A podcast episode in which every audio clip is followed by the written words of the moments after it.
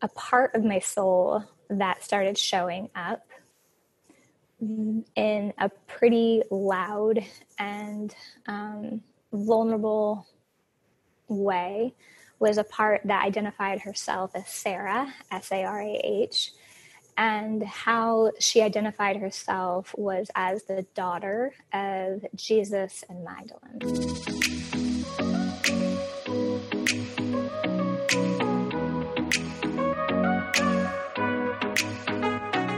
Welcome to a tailored adventure to happiness. I'm your host, Taylor Simpson, mystic, unicorn, motivational speaker, brain nerd, and spiritual expansion mentor. It is my mission to inspire women to shine their light, own who they are fearlessly, and create an abundant AF life doing so. On this show, I cover everything from neuroplasticity, sexuality, to how to tap into different frequencies like money, dissolve unserving beliefs, and get high vibey with fifth dimension goodness. My hopes are to educate you, support you on your path of inner growth and ascension, and even trigger you in the best ways possible. Cheers to living a magical life, and I am so grateful to be a part of yours. Now, let's head in to today's episode.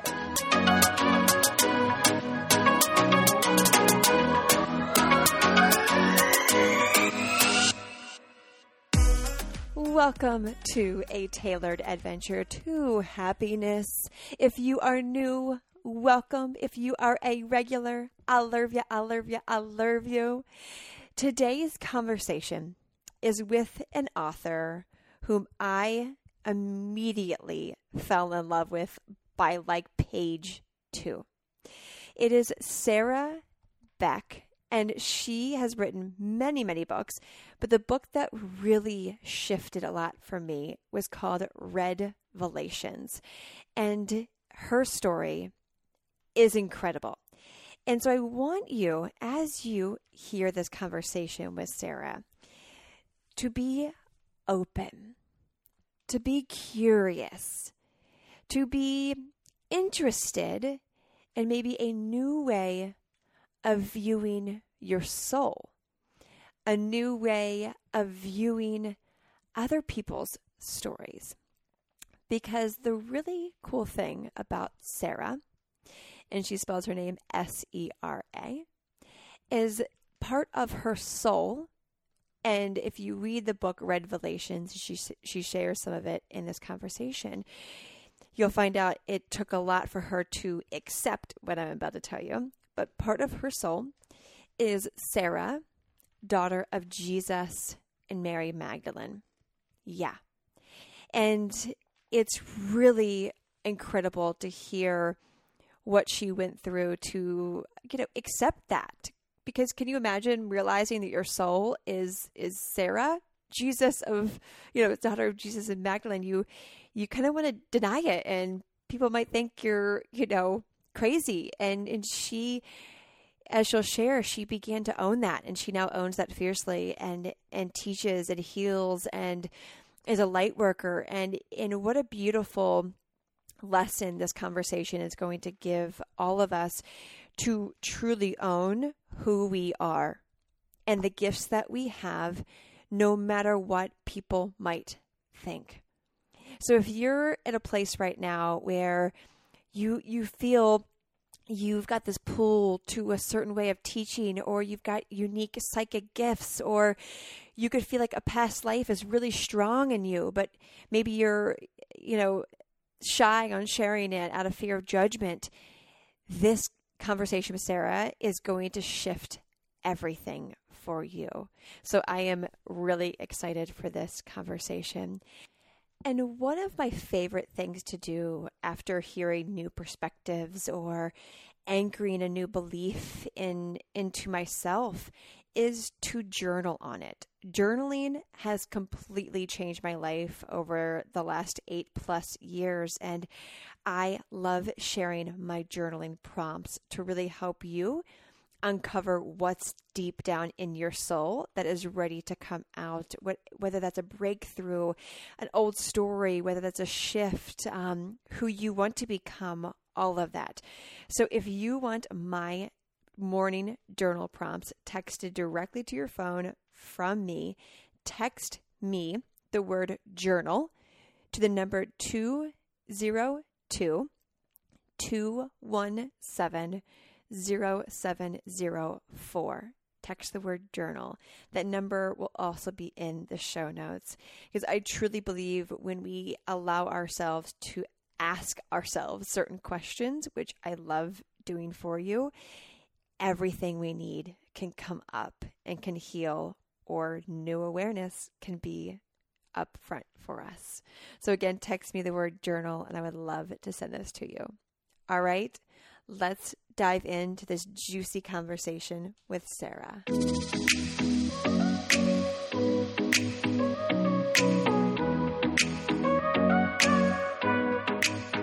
Welcome to the show, Sera. I am so excited to have you on this morning. Uh, thank you. I'm really excited to be here. Oh, I love it. And if you, you know, for the, the listener, if you follow me on my Instagram story, a few weeks ago, I was reading a book uh, that was written in red uh, print. And so many people were like, What are you reading? Like, this is like juicy. This is really good. I'm like, Oh, don't, don't you worry. I'll let you know what it is. And it was Sera's book, Red, Redvelations. And it was just so beautiful. I mean, I knew about 15 pages in, I was like, I got to stalk her down once I'm done with this. I got to reach out to her and she's got to be on the podcast because that book was just like, as I'm sure so many of the readers, and you probably hear this all the time, but it always, I'm sure, feels really good. It like spoke to my soul. And I know is your journey, but it so spoke to my soul, which we'll obviously go into. Um, so I just want to honor you for like putting yourself out there and, and writing that beautiful book. Ah, thank you so much. I, I really appreciate that. Yes, thank you. You're so welcome. And then before we dive into all the juiciness, one question I always ask everyone. What is does your definition of living an abundant life look like? Mm.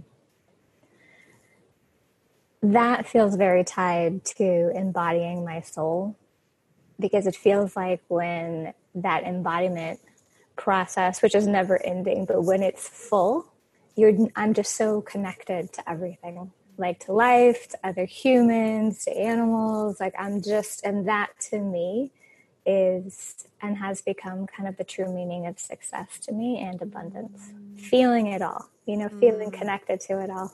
Yeah. Mm. That's juicy. And when we when we allow ourselves to just be in that and feel that, so much you know magic can happen um, because we're in that present moment. So I I love that. Mm the, the listeners heard where you're at right now and just what you're doing to create an impact and shift in women's and the world right now. But I would love to hear, Sera, a little bit about your journey and what brought you to to what you teach today. Yeah, sure. Um, probably like a lot of your listeners, I was someone who was pretty fascinated with spirituality for my whole life, ever since I was a child. And that fascination led to me studying world religions um, with a focus on mysticism and the divine feminine in college and in graduate school.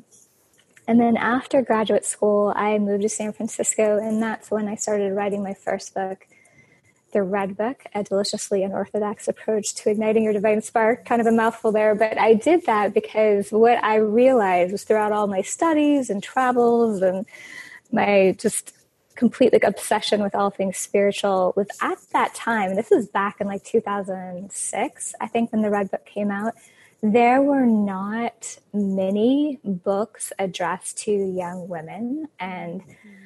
Allowing them to have their own unique experience and to trust themselves as they were venturing out into exploring all these world religions and new age philosophies etc so i um, that led me in one direction. And then after that, um, there was a little kind of like burst of success that happened for me. Um, I guess I would say like socially considered success. I don't know. what I learned was not real success, but socially considered success. Um, just a lot of attention started coming in. Um, another book deal came in that was um, a lot bigger than my first one. Um, there were just a lot of different commercial invitations, a lot of things going on. And at this time, I was also creating a documentary um, focused on female spiritual activists. And in that documentary, I got to interview the Jungian analyst Marion Woodman, who passed away two summers ago. But um, when I was interviewing her, is when I had um, this experience that is always hard to describe, but over the years, I've come to see it as recognizing that I was sitting in front of a woman who had truly embodied her soul. And even though I had interviewed and been around and studied with some really incredible women and men from around the world that many would consider to be quite spiritual or mystics or saints or etc. Um, she was the first one where I had such a visceral reaction. And I think the biggest thing that I got from it was that I had not embodied my soul.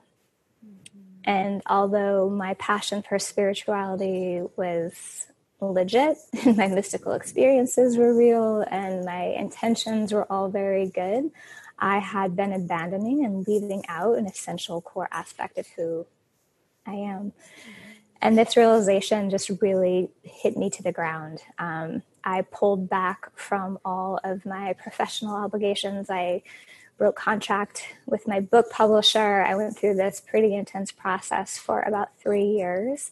It's continued for 10 years, but for three years, I really just like went into what I call the red tent. Um, and I just cocooned. And in that time period, I went through a lot. But the biggest thing was that I got to reignite my relationship with my soul. I found her again. I started the messy process of embodying her. And from that, I started writing my second book and then my third book, which is Redvelations, which is what you referred to. So my passion has always been now um, how we lose our soul and how we find it and embody it again. And what is the soul and why is it so important? And why is it something that strangely gets often left out in the spiritual and new age and kind of self-help arenas yeah yeah, yeah. And what does it look like um, to not embody your soul? Yeah that's a good question. Um, i think it looks probably quite different for each person. It's a feeling i didn't even know i had until I was sitting in front of Marion Woodman. So if you would have asked me before I interviewed Marion Woodman, get your soul, I'm like, sure. And I was sort of, you know, interchanging soul and spirit. Like I was kind of merging all these words and contents together. Mm-hmm. Um, but when I sat across from her, it was this person who is so fully themselves. Mm and not in an enlightened, perfect, like glamorous, like even like empowering way, just like a fully natural acceptance of light and dark and everything in between. There was no spiritual air around her. Mm. It was just a realness and an organic way of being, and she filled out like every cell in her body. Mm. Um, and what I realized was my passion for spirituality more often than not, even if um, some of it stated something different, the way I was reacting to my studies in spirituality was um, I was going sort of up and out of my body. A lot of the spiritual traditions kind of um, promote moving upwards, outwards, expansiveness, oneness, yeah.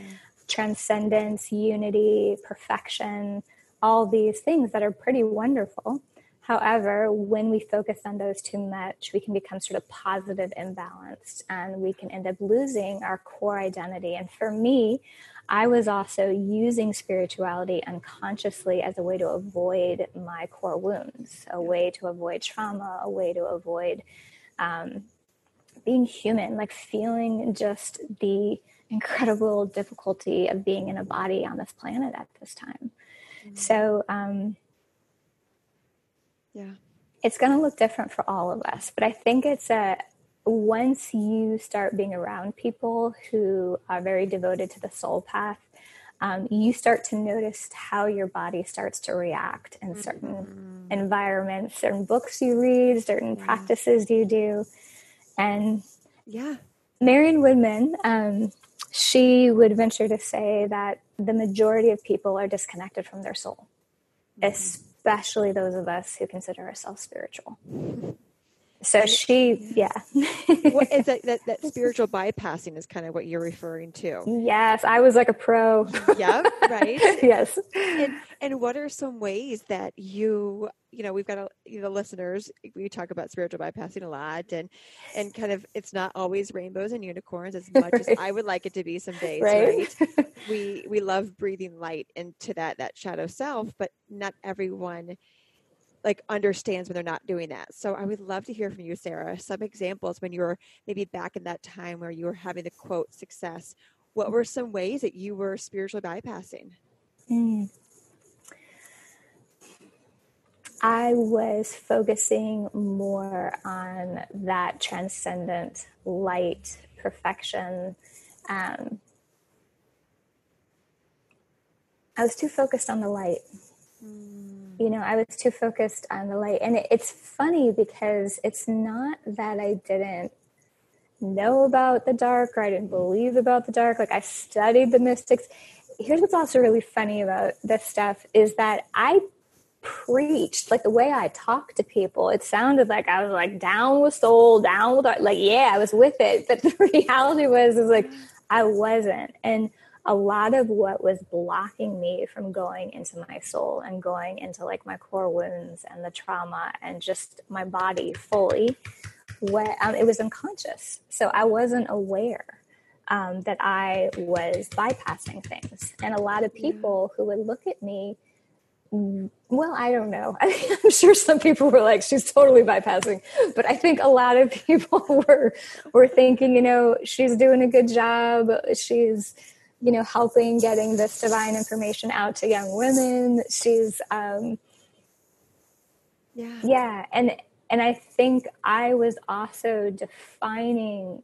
I was looking at how the external world was responding to me and using even that as an excuse not to go in deeper because they were celebrating me. They were just saying, come on out more, come with this book deal, come in the New York mm-hmm. Times, come do this thing, come do that. And so part of the spiritual culture that's popped up in America tends to ride on this current of sort of capitalism and is like, hey, the more followers, the more exposure, the more money, the more this, the more spiritually aligned you must be. Mm-hmm. And I was like, had to get that rug really yanked out from underneath me to be like, that is not true. Yeah. so, um, a bunch of things like that. And, you know, I think as well meaning as so many of us in the spiritual field are and in the self help field are, I think these, these sort of underground currents that sort of pull us out of organic reality and kind of pull us into a success oriented marketplace, um, those very much take us away from soul. Yeah. Because when you're with your soul, your soul honestly just does not care. It's like it's about the experience and the expression of truth and life and love. And it just, mm-hmm. how other people are reacting and responding and how the world responds to you, the soul just, it just is not on its radar. No. It's not a part mm. of it. Yeah. Mm. that, that felt, that felt good just to like, anchor that in of the soul I, I kind of want to repeat that is the soul doesn't care the soul doesn't see how many followers you have, how many, uh, you know, how well respected you are. Like it's here to enjoy and learn and grow through this, you know, meat suit that we're in in this human experience. Yeah. And and we really understand that like that stuff it doesn't go away because it's you know if it's there it's there but it doesn't become as um as pulling or as mm-hmm. necessary Right, right. Yeah. yeah. And a lot of us, I think, probably across all arenas, but I can just speak to the one that I'm familiar with, which is the spiritual arena. A lot of us that are drawn to spirituality, it's because we're avoiding pain. You know, and, and so there's really beautiful reasons, you know, for that. Like there's like we should be looking to things that are going to help us and make us feel more at peace and all of that.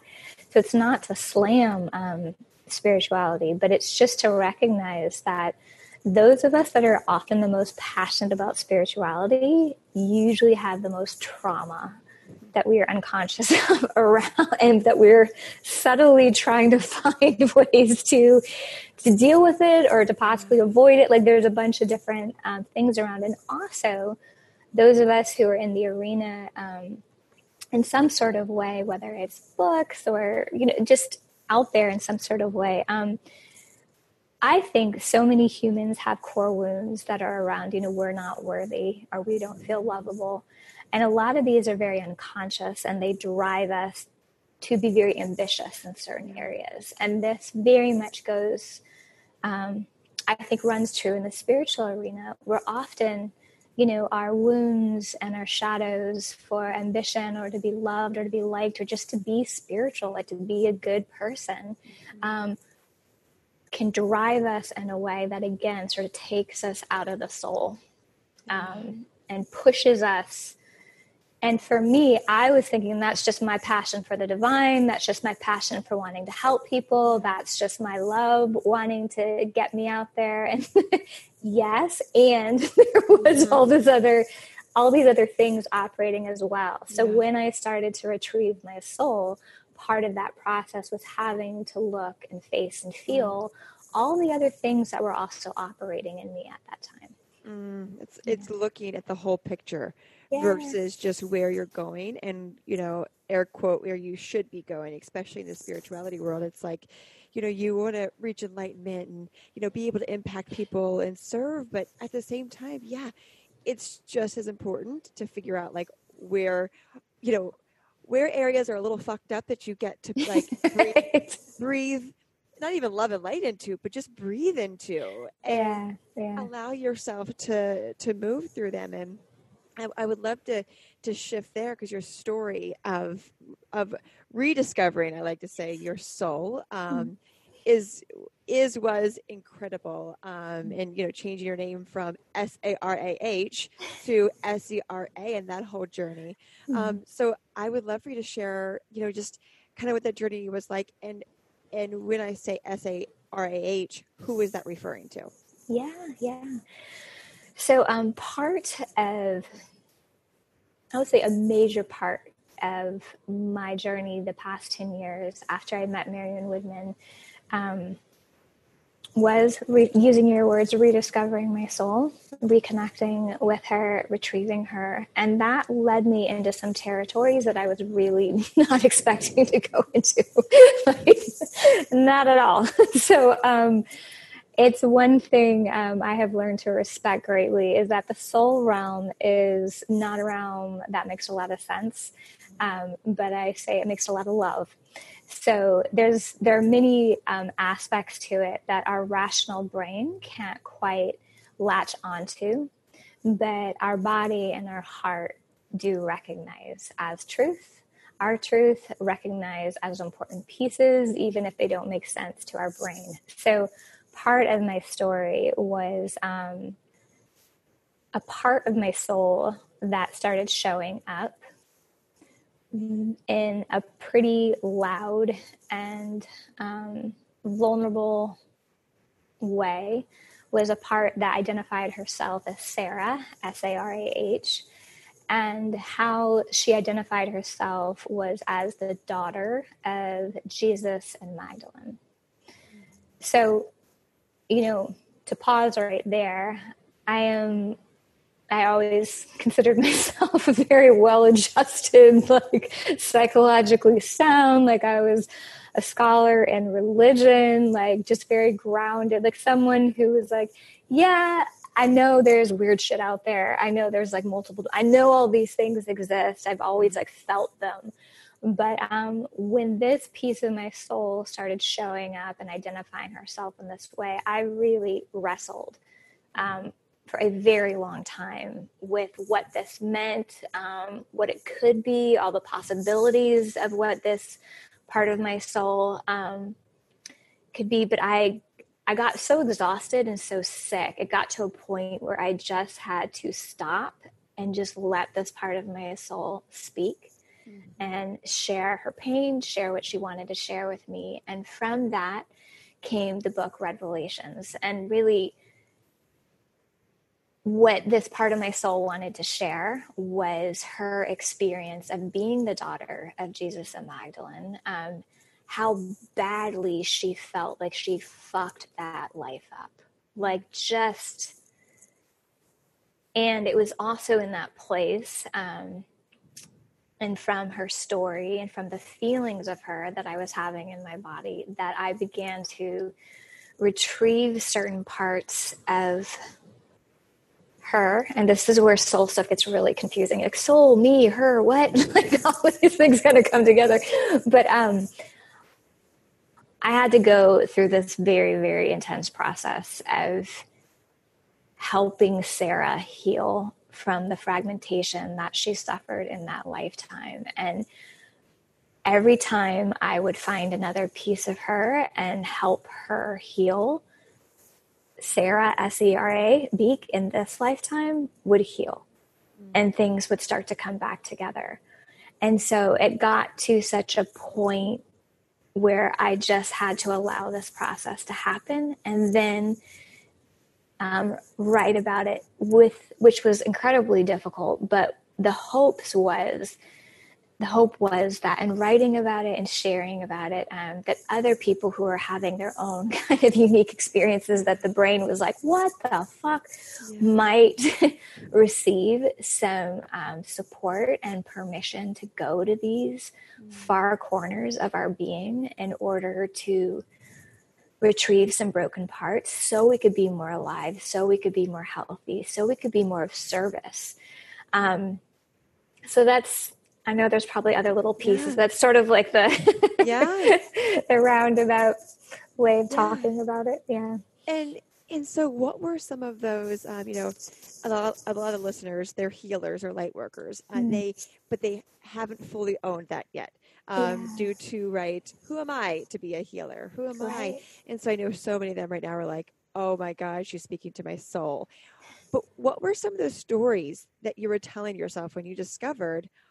oh, oh, part of my soul is the daughter of Jesus and Mary and Magdalene. Like, right. Uh, like, right? Like, you know, when you discover that, I'm sure a lot of the stories start coming up. What were they, and how did you then kind of overcome them and own it? Right, right. Um, that one you just voiced, was obviously a very common, like, who the fuck are you to be saying this? Um, also i'm someone who's well versed in the mm, in how murky the multiple dimensions can become um, all the different facets both inside us and outside us that can skew authentic information and energy that we're receiving. And so i'm i'm almost too aware of those things and i think that also um, prevented some of the healing that wanted to happen at the beginning from happening because I was constantly like, Am I being manipulated on a different realm? Is this just another being that wants me to think that, that I'm Sarah? Like, is this, is this, and then you know, you go inside, like, is this just such a wounded, fucked up part of me that is so inflated or is just so grasping onto this or just purely projecting onto this potentially fictional character from the past in order to feel special, in order to feel like I'm better than other people or superior or more enlightened? Is this just another clever way that I'm spiritually bypassing my reality and just I'm refusing to just be ordinary? You know, it's like non stop barrage of that for years on and 50 million times many more facets of that okay but just constant but a few things um, that started to become like clear to me about sarah never felt separate sarah paradoxically felt very much like me the entire time the other thing about Sarah was that she was not some like enlightened, levitating being from the past that thought she was better than anyone else. In fact, it was the opposite. She felt so fucked up. She felt that she had failed her family and humanity and her soul so royally that she did not want to be here. Like she was hiding. She she felt she was she was dark. Um, she felt so unworthy to exist. And so working with her was working with the parts of me that felt that same way, that felt unworthy to have uh, any gifts, that felt unworthy to be human because I wasn't perfect, that felt um, unlovable because I wasn't connected 100% of the time. Like all the things that I think we all feel Sarah was like just the epitome of like that negative like experience of being human. Um, so that made me realize, you know, some of my fears of this being like an inflated narcissistic part of me. Um, that it just wasn't addressing that. What working with Sarah was doing was pulling me into wounds that I had avoided feeling for a very long time. Working with Sarah was making me more grounded, was making me more accepting of myself and all my flaws and other people and humanity at large. It was opening me more to the vastness of what love actually means. Um, love here, like love not out there in some cosmic divine realm, but in the bloody, messy, snotty, dirty, broken boned pieces. Mm. It was grounding me. Um, I often, also my experiences of Sarah were very, uh, yeah, like unglamorous, real, embodied. Um, some of the things that I think when I read about other people's experiences of either Jesus or Magdalene or Sarah or other masters, um, they tend to be a lot more uh, positive, like light filled, and sort of like, whoa, you know, like doves flying out of the armpit type of thing. And that just, that, that might be wonderful for other people and exactly what they need. But for me, I was doing soul work. And so this was soul bringing me into wholeness, which is not a pretty process. Um, but it is probably one of the most beautiful and real things that I think a human can experience when parts of us start to call us home. Mm. And they're broken parts. they're, they're, not just the light parts, they're the broken parts mm. that are like, you can't continue to give your gifts. You can't continue to be as alive and joyful and abundant as you want if you don't take all these pieces of you that have been strewn throughout different lifetimes and bring them back home in a way that that feels very natural yeah mm. and you know that that love piece what does it feel like for you mm. to receive love now versus maybe how you received it in the past uh, that's a great question it's funny i can feel it. It's like my mm. heart and my belly. It's like everything just sort of settles mm. and it feels very very peaceful. And it feels as natural as like breathing air where you're not like that it's my birthright to receive mm. love. You know that it's it's just as natural as breathing in and breathing out. And it's something that is just as much a part of us as um, yeah as our soul. It's it's hard for me to put words to but it's a lot easier i would say to receive love than it was before. And i am still such a novice when it comes to what i call and what i would say my first parents who i refer to as jesus and magdalene. When i remember what they felt like and how they loved each other and how they loved this planet it was so gritty. Like it was so like it was like true love. Like it was like rough and gritty and like and undeniable. Like when you were with that, it, it didn't take you away from anything. It really brought you home here. And it is so hard to love here because this is such a brutal planet and we are so brutal to ourselves and each other. And there's so much violence um, on, you know, from spiritual violence to emotional violence to physical violence to sexual violence. There's so much violence here. And so cultivating or remembering our capacity to love here and not try to cover it up, not try to wish it away, yeah. but to love here is, I think, one of the hardest and yet most nat- oddly the most natural thing to do. And I'm just, I am still just learning what that is, but a lot of it I feel that all of us remember. Like, I know there are many examples of humans who have incarnated true love. My lineage is Jesus and Magdalene. But whenever I think about lineage, whenever I say the word, I hear like my lineage is life. Mm. And so when I feel into all of us, like in souls right now, in soul bodies right now, I know all of us have the memory of either Jesus and Magdalene or themselves or other beings here in bodies that knew how to truly love. Yeah. And we have that in us. So even though things have gotten a little skewed over lifetimes, we can access that memory through our body. And that's one of the things that my parents really taught is that it was in the body, not by going out to other realms to access mm. love. But the secret was that it was like buried and blossoming in the body. Mm.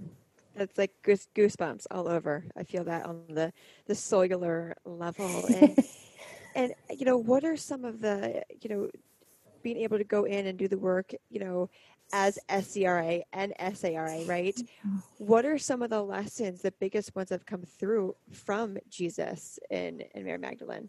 Mm-hmm. What are mm-hmm. some of those like that just kind of comes to mind first? Yeah, yeah. Um, embracing our humanity um, they really had that fusion of the divine and human down. Like they really got that. And it's not that they were perfect with it all the time, but what I really admire about them was their sort of staunch refusal to be either or. Like they're like, I'm not just going to be this like, mm, you know, spiritual being who like gets it all. And I'm not just going to be a human who thinks they're completely disconnected and has no other connection, has no other um, aspects or abilities or dimensions.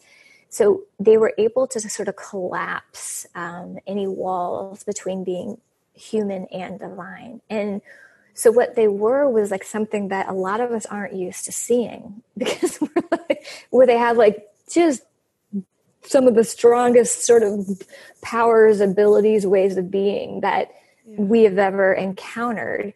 And they would fucking swear and fart and get in fights and like, you know, smack, you know, someone if they just felt like they were like, they're like, wake up. Like there wasn't um, any spiritual pretension or um, there's this phrase that I think even mystical, Christ- mystical Christianity still holds on to where they call it being fully human. Mm-hmm. And, and that is what I remember the most. And I know all of us remember. And that is what I feel like is one of our greatest sort of challenges and their calling to us.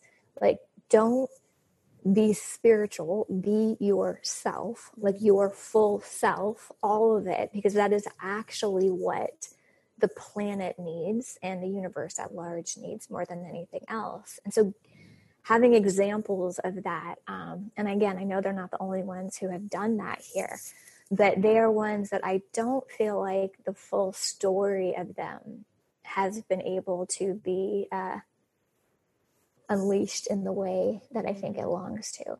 Yeah. And and what are some of those stories that you know to be true that haven't been unleashed or shared about or or highlighted about them?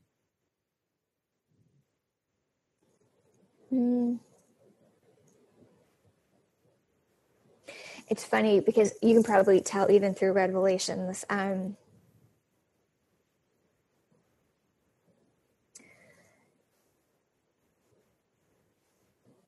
there's always less about like specific, I guess, stories. So maybe I should reframe that, um, but more about that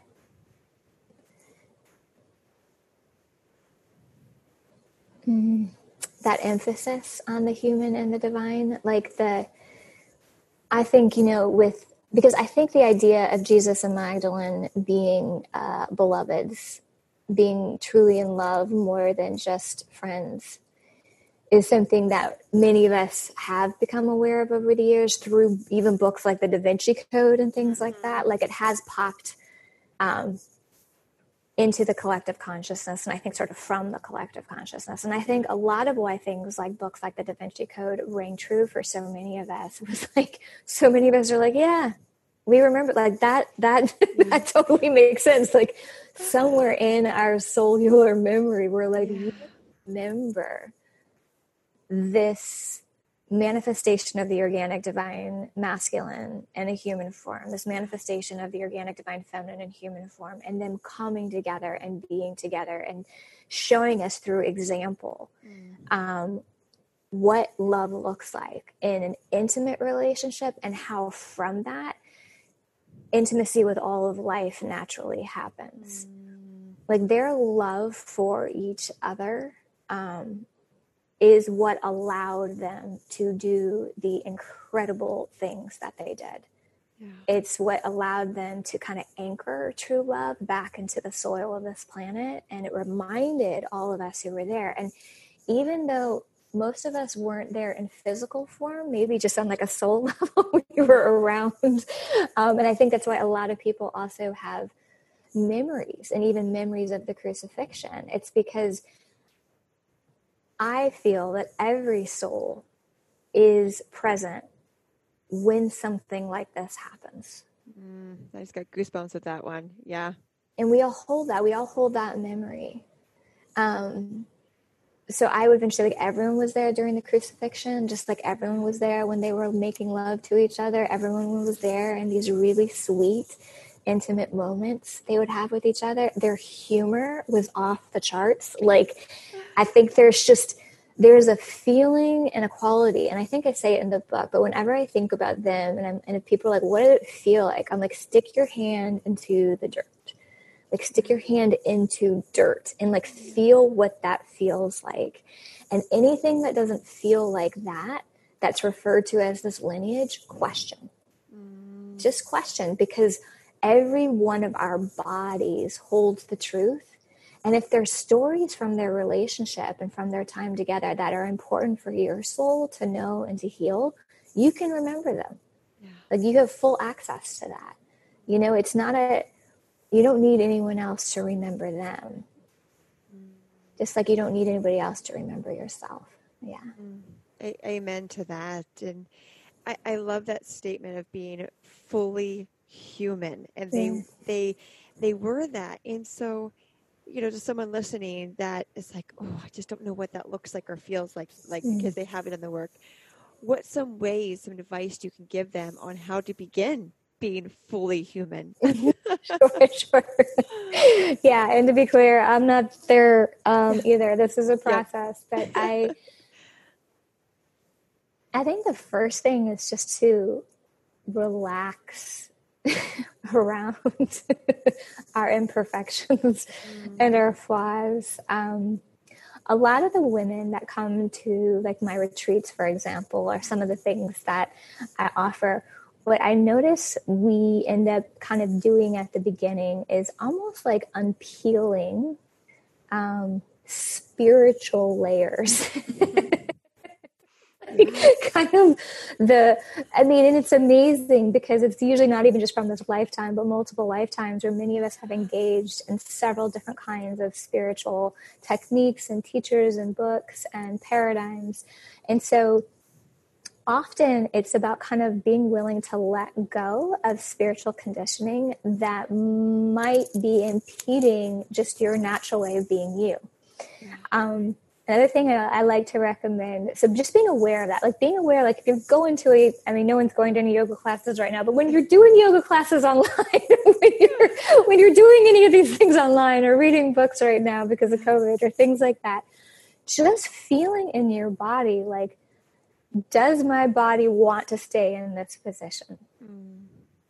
does this book even if it had even if it's a bestseller and like everyone's you know loving on it how is it feeling to me right now? How how how is my body responding to it? How's my heart responding to it? Do I want to make a noise when I'm reading it? Do I want to throw it across the room? Do I want to like rub it against my face? Like what do I how am I feeling and how do I naturally want to be interacting with spirituality so you're remaining sovereign and not allowing the spiritual belief systems, techniques, mm. doctrines to dominate you. So you're regaining your own sovereignty. I often also think about how we were when we were little. And like all of us, I think, still have memories and physical memories of what it was like just to fucking like walk around as a little girl or a little boy and like play and just like not giving a shit, but just you can watch little kids. And i've like i love watching little girls. Like mm-hmm. there's this movie on amazon prime called troop zero. Mm, i haven't seen it. I'll have to I highly recommend it. Yeah. write, write it down right now. Troop zero. It's because you you get to kind of again see and experience that organic natural aliveness of these little girls mm. and how they were engaging in life and with themselves. yeah and so being fully human, such a part of that is regaining our sovereignty, not just from things that are pretty typical, like the culture and society and patriarchy, but also from spirituality. And when we do, it's just like your body starts to move more naturally, your voice starts to be more natural. You don't you're not trying as much to be anything other than what you are in that moment. Um, mm-hmm. So it's less about doing anything and more about just being more free with yourself. Yes, I, I'm actually noting that part down. Stop trying to be like almost anything but who you are. Yeah. In each yeah. moment, that was juicy. That hit. That was in. I, I, you know, as a recovering people pleaser and you know, trying to be quote perfect and all of that, you know, as one of my soul contracts, karmic debts, whatever that is, it's it's a constant uh not battle because I don't like to call it a battle. It's a constant dance mm-hmm. of right, okay, am I being myself right now? And I love how you say just just observe yourself right there mm-hmm. reading a book are you reading the book because you like it and it feels good or are you reading it because everyone else is reading it like that simple. Like that that that like a micro level of are you eat drinking a smoothie because you like it or because everyone fucking told you to drink a smoothie. Exactly. if you're enlightened, you should be drinking smoothies. Um, and and I love that you brought up um, childhood and and you know being a little girl. That's something that is just you know the listeners are, are laughing because we've been talking a lot lately about child you know being childlike. And nice. I've, a friend sent me this plaque. It says play often. I have it on my bookshelf oh. and it's and outside my window we moved here. It's hysterical. Like this has been my theme for the past year. There's this huge park. I live in a high rise city all around me. But just outside my window this um, concrete area that they painted and wrote play more oh. on painted giant words play more i'm just like i love that. I hear your universe. I i so the fact that you said that i'm like and you know i'm just like of, of course.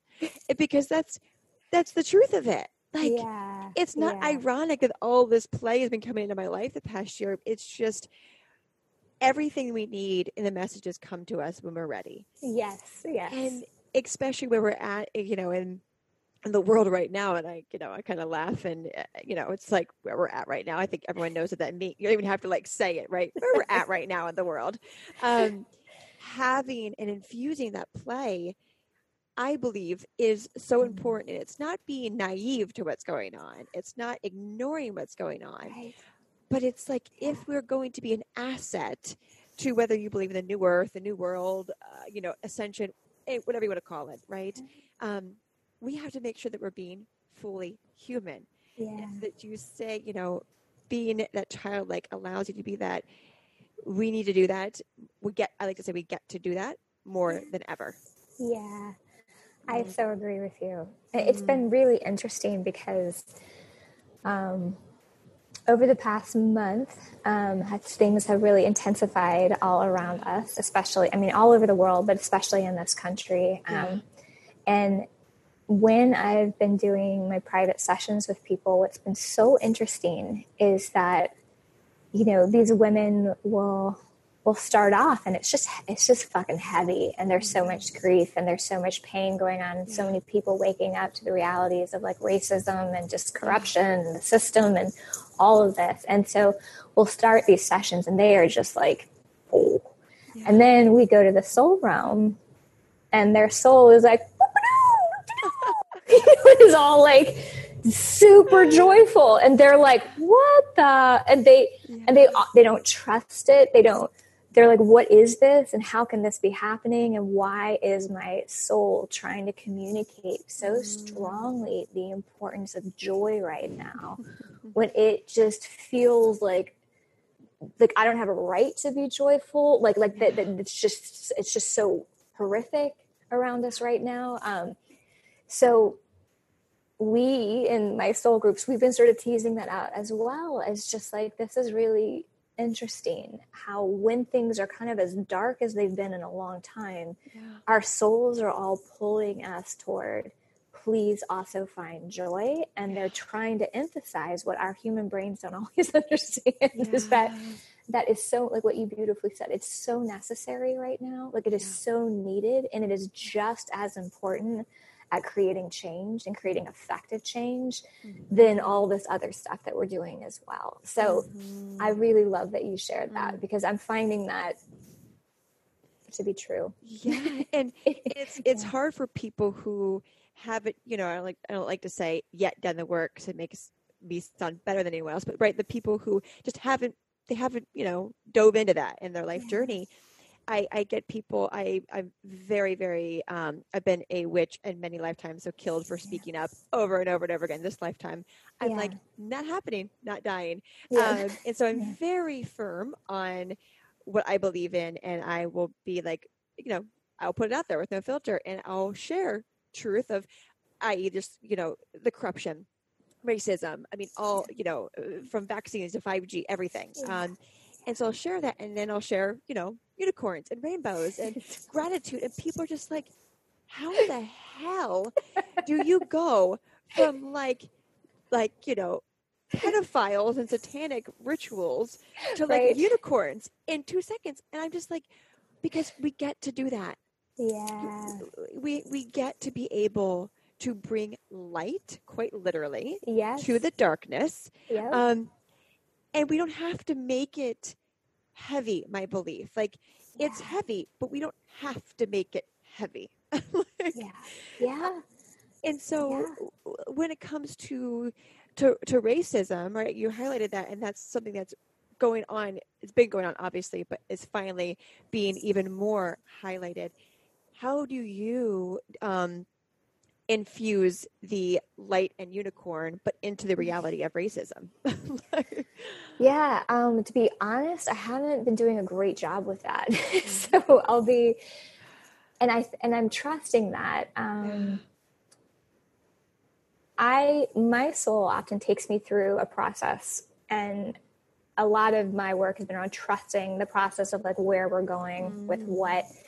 Um, I so I what I will say is like the past I'll say this. In 2018 was really when I began my own sort of like waking up to systemic racism. Yeah. Really. Like I re- like I, I, I kind of like most people I think like white spiritual women I think I I knew about it but I didn't I wasn't opening my eyes all the way um, to the reality of it and so for the past two years just quietly and personally I've been doing you know reading and going to groups and taking courses and Yeah.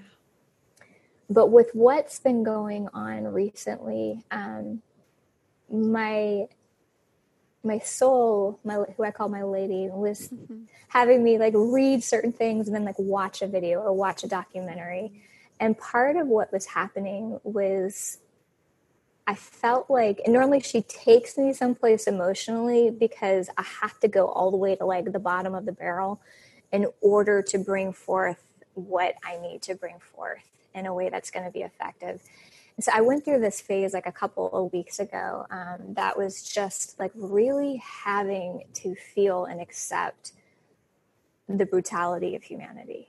Mm-hmm. Like just and, and just going back through time and just being like, oh God, it's like I can't even just blame it on this country or like colonialism. Like I'm just like, oh God, we've just always been horrific towards yeah. each other in so many ways. Like we've always othered, we've always tried to dominate, we've always overpowered, we've always like and and I think I had to kind of get to this like, ooh, like thing about humanity. Um, and what I've also been wrestling with and in that is then the people and the beings like my first parents and Jesus Magdalene and all these people who came here who were trying to hold on to love in this like how do I say this? They were trying to remind us that the truer reality is love. And when we actually mm. come from that place, we can quote unquote win this. Mm. like, mm-hmm. let me try to phrase this differently. Like, I'm going to use an example of like a classic one, like Jesus being crucified. All of us, through many lenses, you can look at the crucifixion, like probably on that day, and just be like, that sucked. He lost. Like, yeah he lost, he got killed, you know, and most of his teachings were pretty skewed after that and had to go underground and like there was persecution and all of that. So through one lens, it's like it was a failure or it looked lost. Through the lens of the soul, um, he won, quote unquote, because he kept his heart open the entire time. Like he refused to close his heart no matter what they were doing to him or that he saw humanity doing to other people. Mm-hmm. And I remember them saying to me, like, the only way, quote unquote, like the system wins is when we close our hearts and we stop loving. Mm. So, what I've been trying to hold just personally is how does this truth of like nonviolence and love that so many people have been willing to anchor you know like mandela and gandhi and martin luther king and others. Like how how have they been willing and able to anchor this here mm-hmm. when the reality is telling them they're crazy or it's not enough or and even when things don't physically around them change that dramatically? How do they stay true to that? And as a white woman how do I hold on to that and not be called spiritual bypassing? Mm. you know, how, how do I hold on to something that I know is true while still taking into account the full brutality of humanity, while still educating yeah. myself, while still being active, while still donating, while still petitioning, while still doing all of that? How do I still hold on to this true love in my body as a white woman right now? Um, so that's what I've been mm. working with and and kind of processing. Um, and I have no answers right now, yeah. but I just know it's what I'm the most devoted to discovering, and I'm most devoted to um, to trying to serve here. Yeah. yeah. Mm, so many uh, juicy nuggets out of that, and something that I wrote down is, and I want to repeat this: the only way the system wins is when we close our hearts to love. Mm-hmm.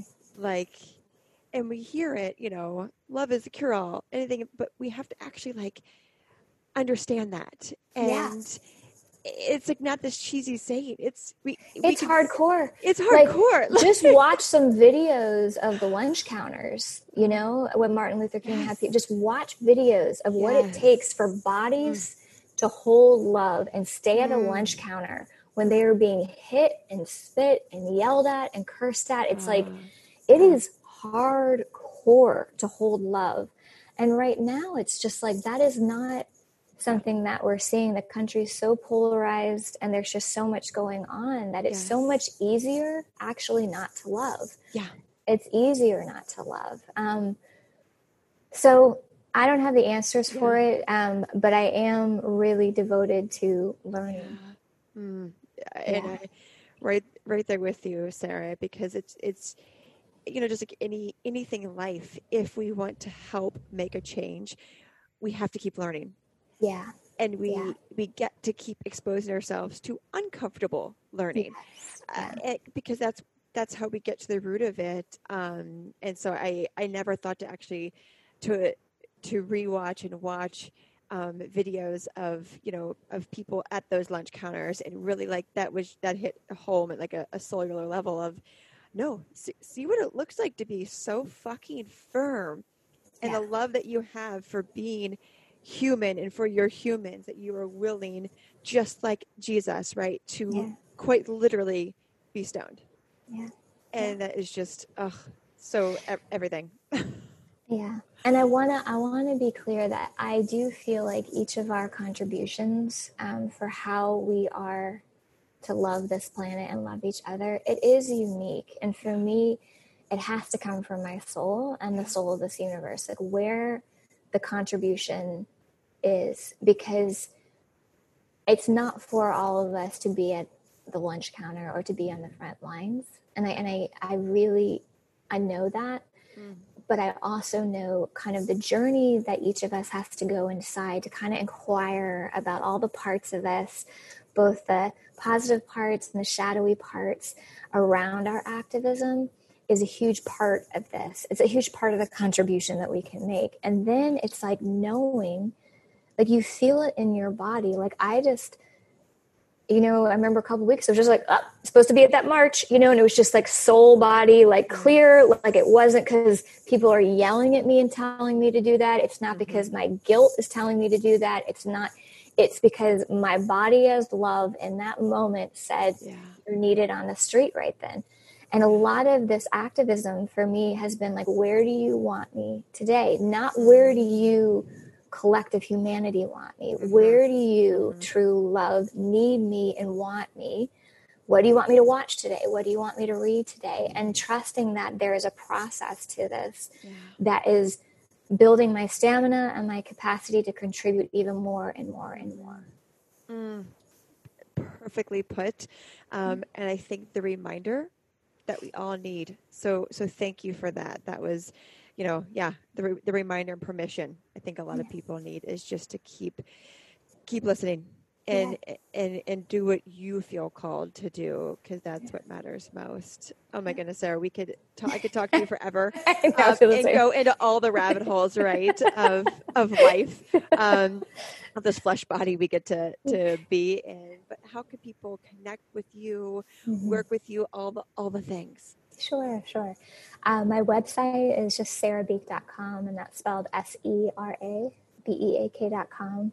Um, I've had to cancel my in person retreats, of course, because of COVID, but I will be having them again. I am going to be offering um, soul, like a soul fire course. Not a course, I think of it more of an experience, but it's talking about what we've just been talking about how to connect with our soul in regards to activism in a way that is really authentic for us. And that um, I never have a good handle around time, but I feel like in the next month or two that I will be offering. Um, yeah, and other, I'm not quite sure what's coming up after because things are so up in the air right now. yeah, and, and Instagram, where can they find you on Instagram? Oh yeah, Sera Beak on Instagram. Yeah, you can find me. Yeah.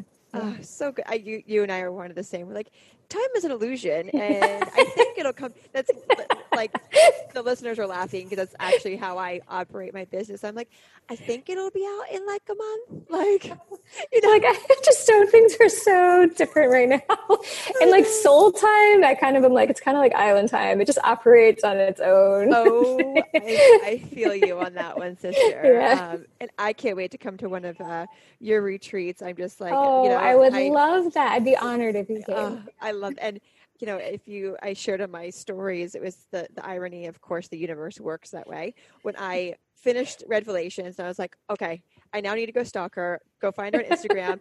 and I never go to uh, people's websites. Of course, I'm I'm I'm clairaudient. Like anytime the voice, like the joke, the voice tells me to do something, I'm like, okay, I'm doing it. And it was like, go to her profile page. I'm like, okay. It's like, go to her website. I'm like, why, why, why, what am I like, like, and so I just shoot her a message, right? And so I go to your website. It was like retreats. I'm like, it was like click the retreats. I go to it, and of course, I and I share this with you, and I, I had just gotten back from Asheville a few days prior because my husband and I are going to build there. And of course, I see your retreats in Asheville, and I'm like, well, was of course in COVID, um, but I was just like, okay, I, I hear universe. I'm meant to be at one of Sera's retreats. Oh, uh, I'd love it. so whenever you have them, I will be there.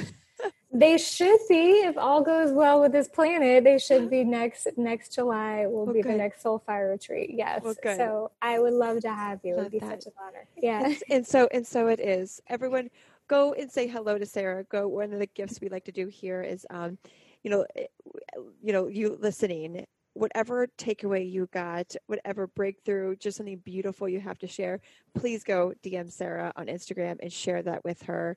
Um, give her uh, that gift uh, because she's given us this gift of her time and her knowledge, and we just love to give back. Um, so, you. thank you, Sera, for your light, for the work you do. It is so inspiring. Um, it's you know just reading Redvelations Uh, you know, it, it gave me the permission to be like, fuck, fuck it, fucking own it all. Um, nice. own, own it all. And I, I thought I already did a good job at that. And I was like, no, you're doing a fucking awful job at it. Like, own it just a little more. so in the in the most loving way yeah. towards myself, of course. Yeah. Um, but thank you, Sera, for your time and for just everything you do. Well, thank you so much. And I really appreciate you and the work that you're doing. I feel it and I'm really grateful. grateful to know you now and your yeah. listeners. So yeah. just thank you for being you. Yeah. Mm, absolutely. Yeah. And thank you everyone for hanging out with us today. As always, choose happiness because well, why the fuck not? I love you all and I'll talk to you in the next one. Bye.